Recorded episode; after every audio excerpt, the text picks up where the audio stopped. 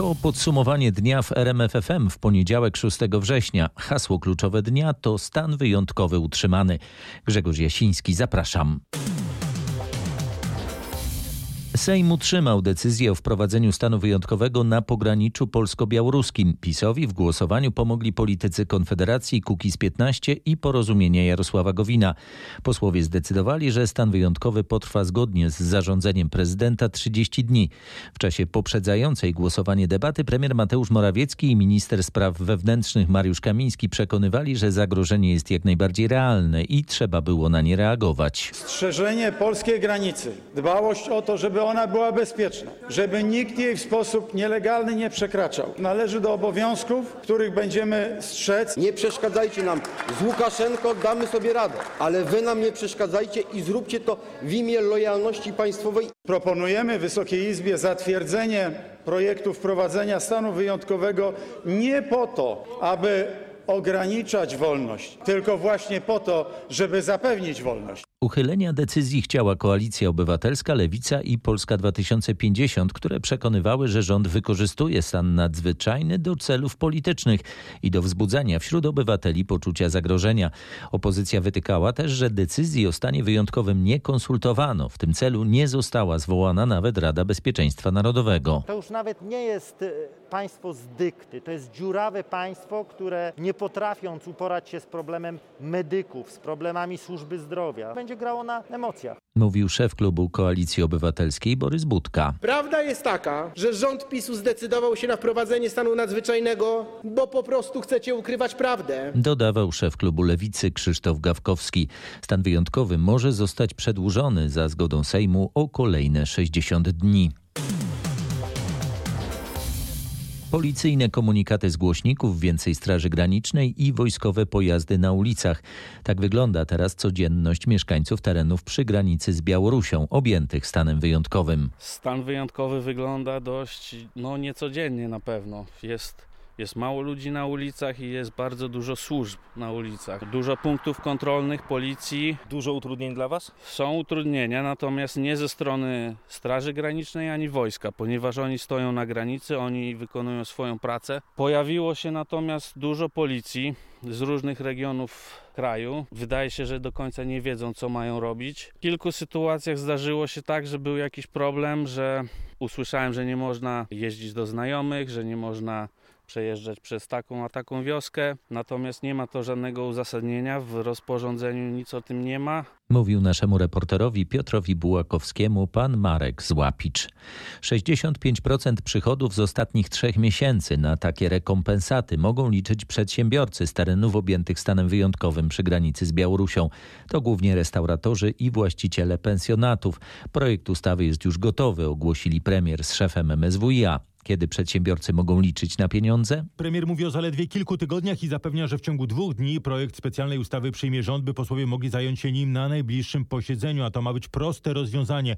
Rekompensata uzależniona od przychodów z trzech ostatnich miesięcy. Czerwiec, lipiec, sierpień wnioskodawca będzie kierował wniosek do wojewody, gdzie będzie przedstawiał swoje dochody, jakie uzyskiwał w tych trzech miesiącach i 65% przychodu e, to będzie ta rekompensata, którą będzie wypłacał wojewoda wojewoda. Szef MSWiA Mariusz Kamiński dodaje, że na rekompensaty mogą liczyć przede wszystkim właściciele pensjonatów, gospodarstw agroturystycznych, restauracji i barów. Co najmniej 250 podmiotów, które nie zarabiają, bo w strefie przygranicznej przez stan wyjątkowy po prostu nie ma teraz turystów. Warszawa Mariusz Piekarski.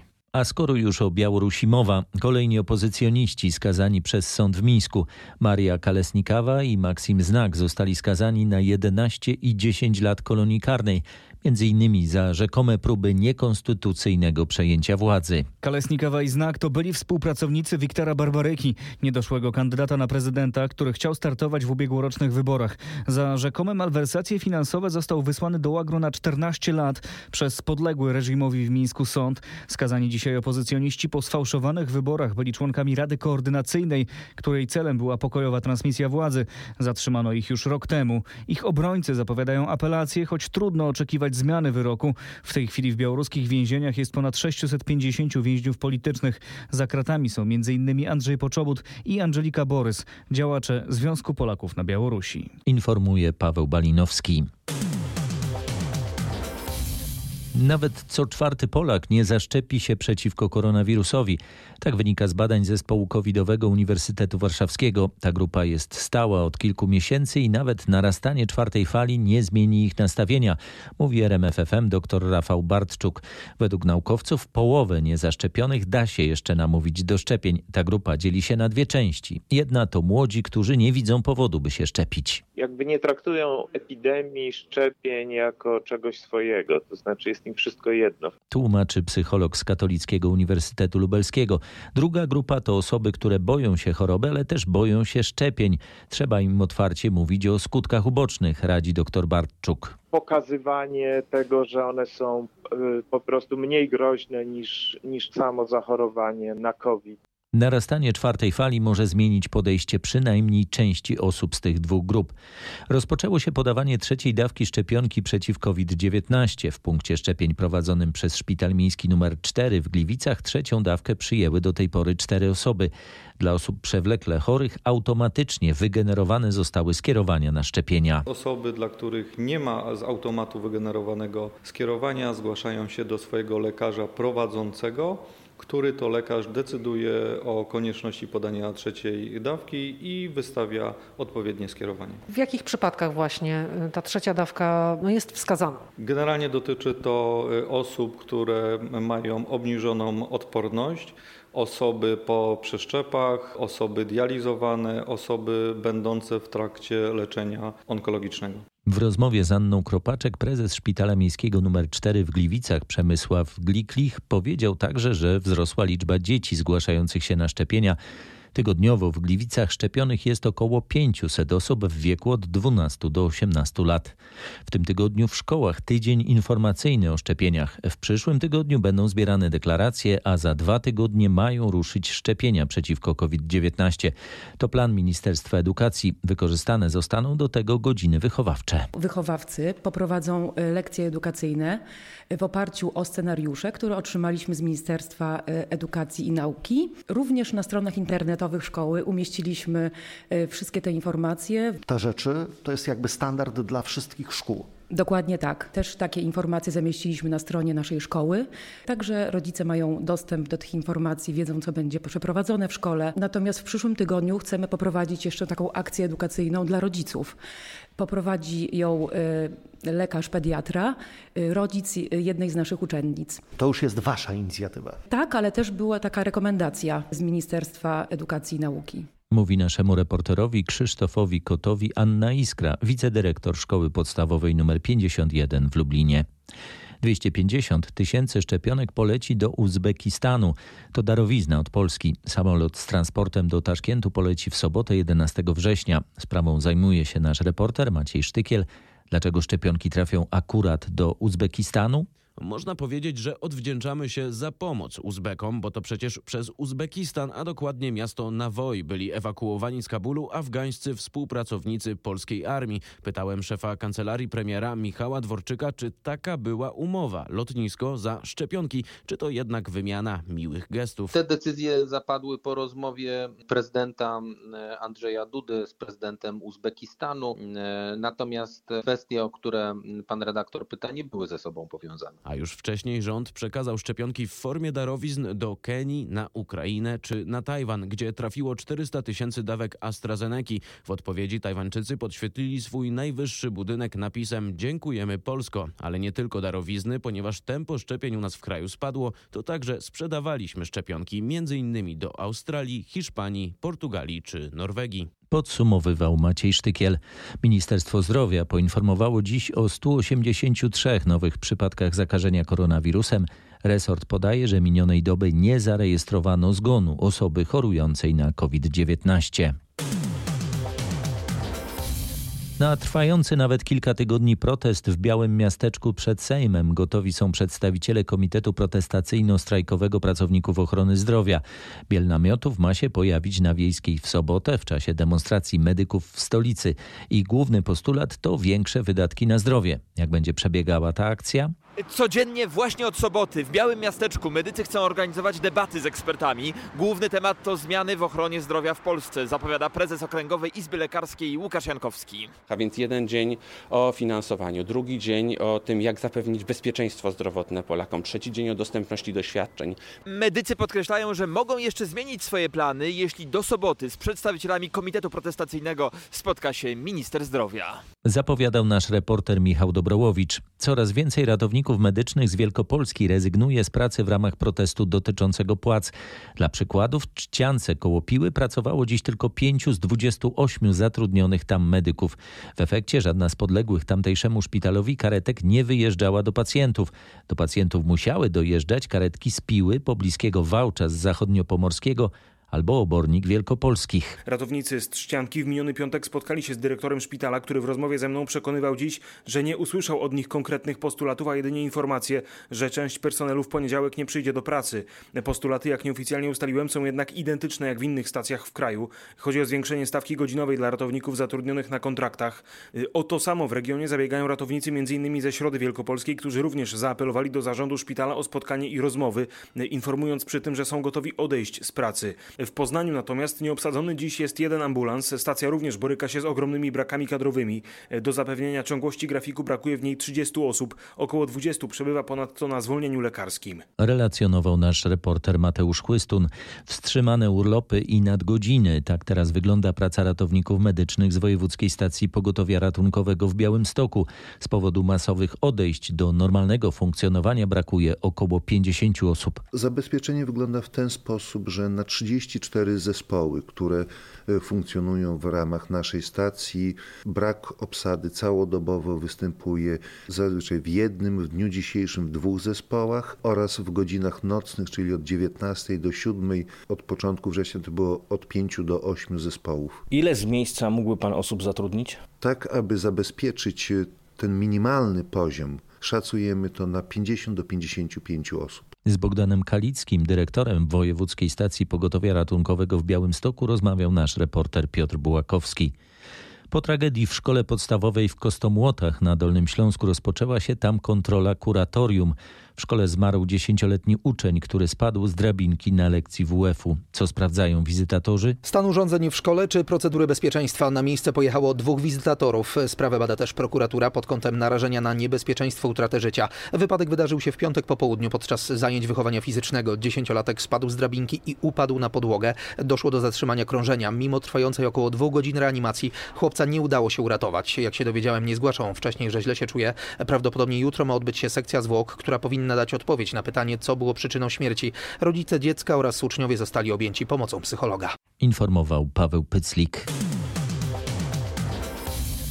Kwestia podważania przez polskie władze zasady wyższości prawa unijnego nad krajowym opóźnia akceptację przez Komisję Europejską polskiego Krajowego Planu Odbudowy. Wiceszef Komisji Europejskiej Waldis Dombrovskis nie pozostawił w tej kwestii złudzeń. Natomiast unijni ministrowie finansów zatwierdzili kolejne dwa plany odbudowy Czech i Irlandii. Polski plan utknął m.in. dlatego, że premier Mateusz Morawiecki złożył wniosek do Trybunału Konstytucyjnego podważając zasadę wyższości prawa unijnego nad krajowym. Rzeczywiście spoglądamy na kwestię wyższości prawa unijnego nad krajowym i jej możliwy wpływ na polski krajowy plan odbudowy. Powiedział wiceszef Komisji Europejskiej Waldis Dombrovskis. Polska jest jedynym krajem, któremu Komisja Europejska nie podała nawet terminu, do kiedy zamierza prowadzić analizę planu. Z Węgrami komisja ustaliła, że ma to być koniec września. Jeżeli w przypadku Polski termin ten będzie dłuższy, to pieniądze do Polski wpłyną nawet w przyszłym roku. Przypomnę, że pierwsze kraje otrzymały zaliczki już na początku sierpnia. Z Brukseli relacjonowała Katarzyna Szymańska-Borginą. A skoro już o pieniądzach, których odebraniem grozi nam Komisja Europejska mówimy, radni Platformy Obywatelskiej w Sejmiku Województwa Lubelskiego chcą, by radni PiS, którzy dwa tygodnie temu głosowali przeciwko uchyleniu tzw. Uchwały anty-LGBT złożyli mandaty. Atmosferę podgrzało piątkowe pismo z Brukseli do pięciu województw z groźbą utraty unijnych środków. Lubelszczyzna może stracić 10 miliardów złotych. W samym centrum gorących dysput w Lublinie jest nasz reporter Krzysztof Kot. Padają tam ostre słowa, choćby ze strony senatora senatora Jacka Burego z Polski 2050. Nazwał on marszałka Jarosława Stawierskiego z Prawa i Sprawiedliwości kłamcą. Senator Jacek Bury nie przebierał w słowach. Jest kłamcą, bo mówił, że nie są te środki zagrożone. W tym tonie występował również Krzysztof Komorski z PO, radny województwa lubelskiego, inicjator sesji, na której nie uchylono uchwały. Zostaliśmy okłamani my jako radni i wszyscy mieszkańcy tak naprawdę. Nic złego się nie dzieje, zapewnia Urząd Marszałkowski ustami rzecznika Remigiusza Małeckiego. To chucpa polityczna, e, uprawianie e, polityki e, na bardzo nośnym temacie. To stanowisko nie ma absolutnie żadnej mocy prawnej. I zapewnia, że nikt nigdy nie był dyskryminowany, a pięć samorządów województw prawdopodobnie udzieli wspólnej odpowiedzi Komisji Europejskiej. Opozycja wymienia tymczasem, na co miałyby iść pieniądze, które jej zdaniem są zagrożone. Poseł Michał Krawczyk z PO wylicza na starcie 26 milionów euro, czyli 120 milionów złotych, które miałyby trafić na służbę zdrowia. Które mają iść na poprawę funkcjonowania ochrony zdrowia. A ja przypomnę, że szpitale na terenie województwa lubelskiego zadłużone są na ponad miliard złotych. Dalsza część to nowa perspektywa, ponad 10 miliardów złotych. To są pieniądze dla przedsiębiorców, to są pieniądze dla instytucji kultury, to są pieniądze e, na ochronę zdrowia. Jak wylicza radny wojewódzki Krzysztof Komorski, to 45 tysięcy złotych na każdego z 2 milionów 200 tysięcy mieszkańców Lubelszczyzny. Informuje nasz reporter Krzysztof Kot. Senacka większość chce wyrzucenia tzw. Tak Lex TVN do kosza. Połączone komisje rekomendują odrzucenie ustawy w całości. Czy to kończy sprawę nowelizacji ustawy medialnej? Jeszcze nie, bo senackie weto musi być głosowane w Sejmie. Przepisom sprzeciwia się nie tylko opozycja. Ich zawetowanie sugerował już także prezydent Andrzej Duda. PiS planuje złożyć do projektu poprawkę, która umożliwi TVN24 dalsze nadawanie, ale i w samej partii rządzącej zapału do uchwalania ustawy nie ma. Ja chcę wysłuchać teraz opinii ekspertów, podejmiemy decyzję. Poprawka zapowiadana przez pana Marka Suskiego z pewnością będzie złożona. Mówił szef senackiego klubu PiSu Marek Martynowski. Telewizja TVN24 cały czas czeka na przyznanie koncesji. Krajowa Rada Radiofonii i Telewizji nie wydaje decyzji w tej sprawie od kilku miesięcy. Koncesja stacji informacyjnej wygasa z końcem miesiąca. Z Sejmu Roch Kowalski. To pakiet na start w nowe życie. Wrocław zaczął rozdawać przechodzącym na emeryturę niezbędnik senioralny. W pudełku są upominki zachęcające do rozrywki, poznawania miasta czy działania na jego rzecz. Taka forma wyróżnienia emeryta, który może poczuć się już niepotrzebny, taki trochę zepchnięty już na margines, bo swoje zrobił. To są bardzo fajne gadżety. Bardzo ucieszyłam się z vouchera do opery, bo jestem fanką tego miejsca i chętnie je odwiedzam. Nie ogranicza się pani tylko do emerytury. Y, tak, pracuję dalej zawodowo, y, uczę, y, jestem polonistką. Będę mogła troszkę tak wyhamować, bo to jest tylko pół etatu. To jest czas na realizację moich pasji, na które nie miałam do tej pory czasu. Między innymi cały stos książek do przeczytania. Z Jolantą Matkowską, świeżo upieczoną emerytką, która jako jedna z pierwszych otrzymała wrocławski niezbędnik senioralny, rozmawiał Paweł Pyclik. Łatwiejszy dojazd do metra i centrum stolicy od weekendu mają mieszkańcy osiedla Winnica na warszawskiej Białołęce. Chodzi w sumie o kilkanaście tysięcy osób. Do ich osiedla od weekendu można dojechać tramwajem po nowo zbudowanych torach. Jedziemy sprawdzić, jak to się jedzie. Tylko ja chciałam zobaczyć, jak to wygląda, jak oni to zrobili. Jak długo Państwo czekali na ten tramwaj? Bardzo długo. Skrócił mi się dojazd y, z pół godziny do pracy. W którą stronę do centrum pani jeździ? Centrum, tak, na Żoliborz. Ja akurat mieszkam na Dionizosa i teraz mam więcej możliwości. Wcześniej, żeby dojechać do siedemnastki, musiałam jechać dwa razy, przesiadać się, a teraz mam bezpośrednią siedemnastkę tutaj na pętli. Z mieszkańcami warszawskiego osiedla Winnica rozmawiał nasz reporter Michał Dobrołowicz. Wiemy już, kto przyzna nagrody na Festiwalu Polskich Filmów Fabularnych w Gdyni. Jurorami będą m.in. aktorka Joanna Kulik, kompozytor Mikołaj Trzaska i reżyserka Agnieszka Smoczyńska. Szefem jury będzie reżyser Andrzej Barański, ujawnił dziś szef artystyczny festiwalu Tomasz Kolankiewicz. Śmialiśmy się, że to będzie najskromniejszy przewodniczący jury w historii festiwalu chyba. Oczywiście Andrzej Barański jest uznanym filmowcem. W ubiegłym roku odbierał nagrodę Platynowych Lwów, taką nagrodę za całokształt twórczości twórczości. Natomiast to, co mogę powiedzieć o tym składzie, to jest on e, bardzo zróżnicowany. Zarówno pod względem wieku, jak i pod względem płci, jak i pod względem wrażliwości jak gdyby tych e, członków i członkini jury. Święto polskiego kina zacznie się 20 września.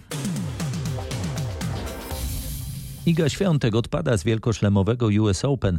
Polka w dwóch setach przegrała mecz z mistrzynią olimpijską Belindą Bencic i na jednej ósmej finału kończy swoją przygodę z tym turniejem. Niezwykle zacięty był pierwszy set spotkania, w którym Polka odrobiła wczesne przełamanie i doprowadziła do tiebreaku. Decydująca część rozgrywki trwała ponad 20 minut i zakończyła się zwycięstwem Szwajcarki 14 do 12. W drugim secie Bencic wygrała 6-3. Wzoruje się na bracie, mówi w rozmowie z RMFFM Piotr Śliwka, który razem z siatkarską reprezentacją do lat 19 sięgnął po Mistrzostwo Świata. Piotr jest bratem Aleksandra, który gra w seniorskiej reprezentacji. Młodszy z braci jest jak na razie słabszy od starszego brata, ale zaznacza, że bardzo chce dorównać Aleksandrowi. Dążę do tego, żeby móc z nim rywalizować w przyszłości. Na pewno ma więcej doświadczenia, jest też wyższy.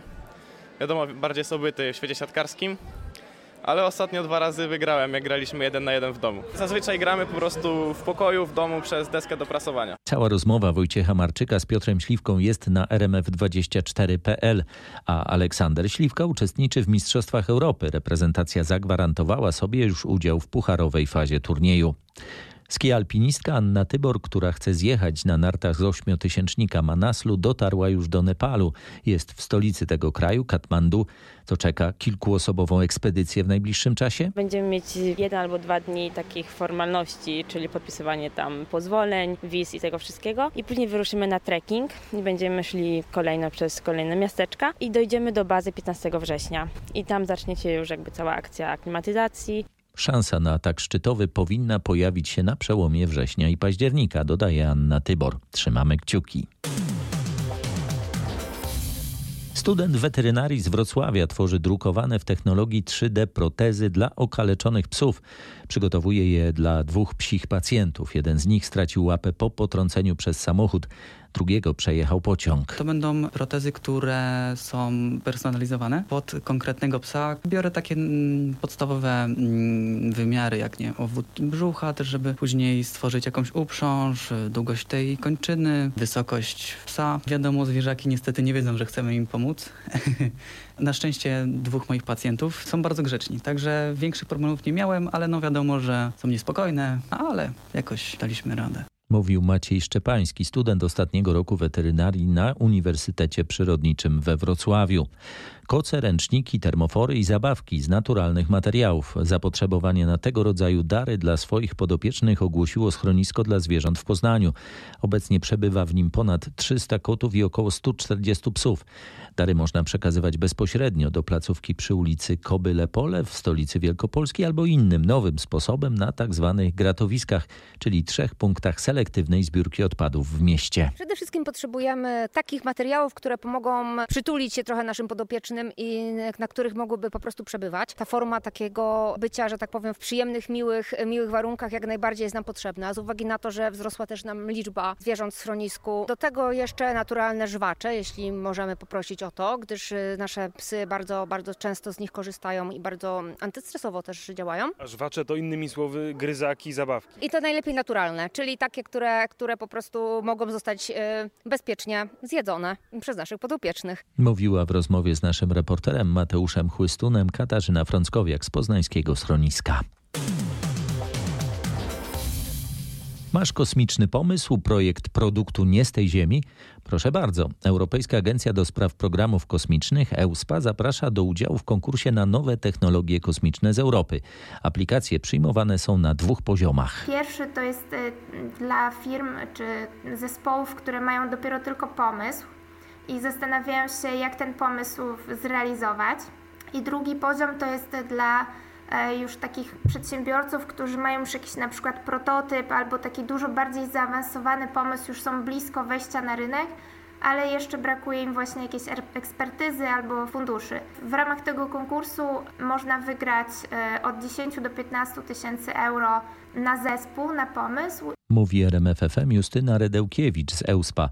Jest też oferta dla tych, którzy z przemysłem kosmicznym chcieliby związać osobistą karierę. Bardzo serdecznie zapraszam wszystkich do dołączenia do naszego zespołu.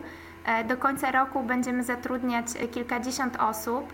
W tym momencie mamy e, bardzo mało osób z Polski pracujących w ramach agencji, także zachęcam Państwa bardzo serdecznie.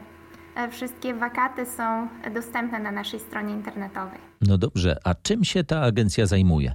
Ano między innymi programem nawigacji satelitarnej Galileo. Nieco dla nas niepostrzeżenie, od pięciu lat ten europejski system uzupełnia działanie amerykańskiego systemu GPS w naszych smartfonach i samochodach. Pozwala między innymi kontrolować drony. Do nawigacji dronów e, potrzebujemy dokładność nawet 10 cm i to, nie tylko jakby w, tych, w tym obszarze e, poziomym, ale też bardzo ważne jest obliczenie naszej wysokości. Jeśli pomyślimy, że w przyszłości drony będą nam na przykład dostarczać jakieś przesyłki do domu, e, te drony będą się same poruszać w mieście, gdzie też jest niebezpieczeństwo, na przykład, e, że ten dron może w coś uderzyć. Tam jest bardzo ważna właśnie ta dokładność sygnału i tutaj Galileo będzie już e, pełnić kluczową rolę. Cała rozmowa z Justyną Redełkiewicz z EUSPA jest na rmf24.pl, a więcej na temat konkursów i samej agencji będzie można się dowiedzieć osobiście podczas zawodów łazików marsjańskich European Rover Challenge, które odbędą się w Kielcach już 10-12 września. Tyle na dziś. Kolejne podsumowanie dnia w RMFFM już jutro wieczorem. Grzegorz Jasiński, dziękuję, dobrej nocy.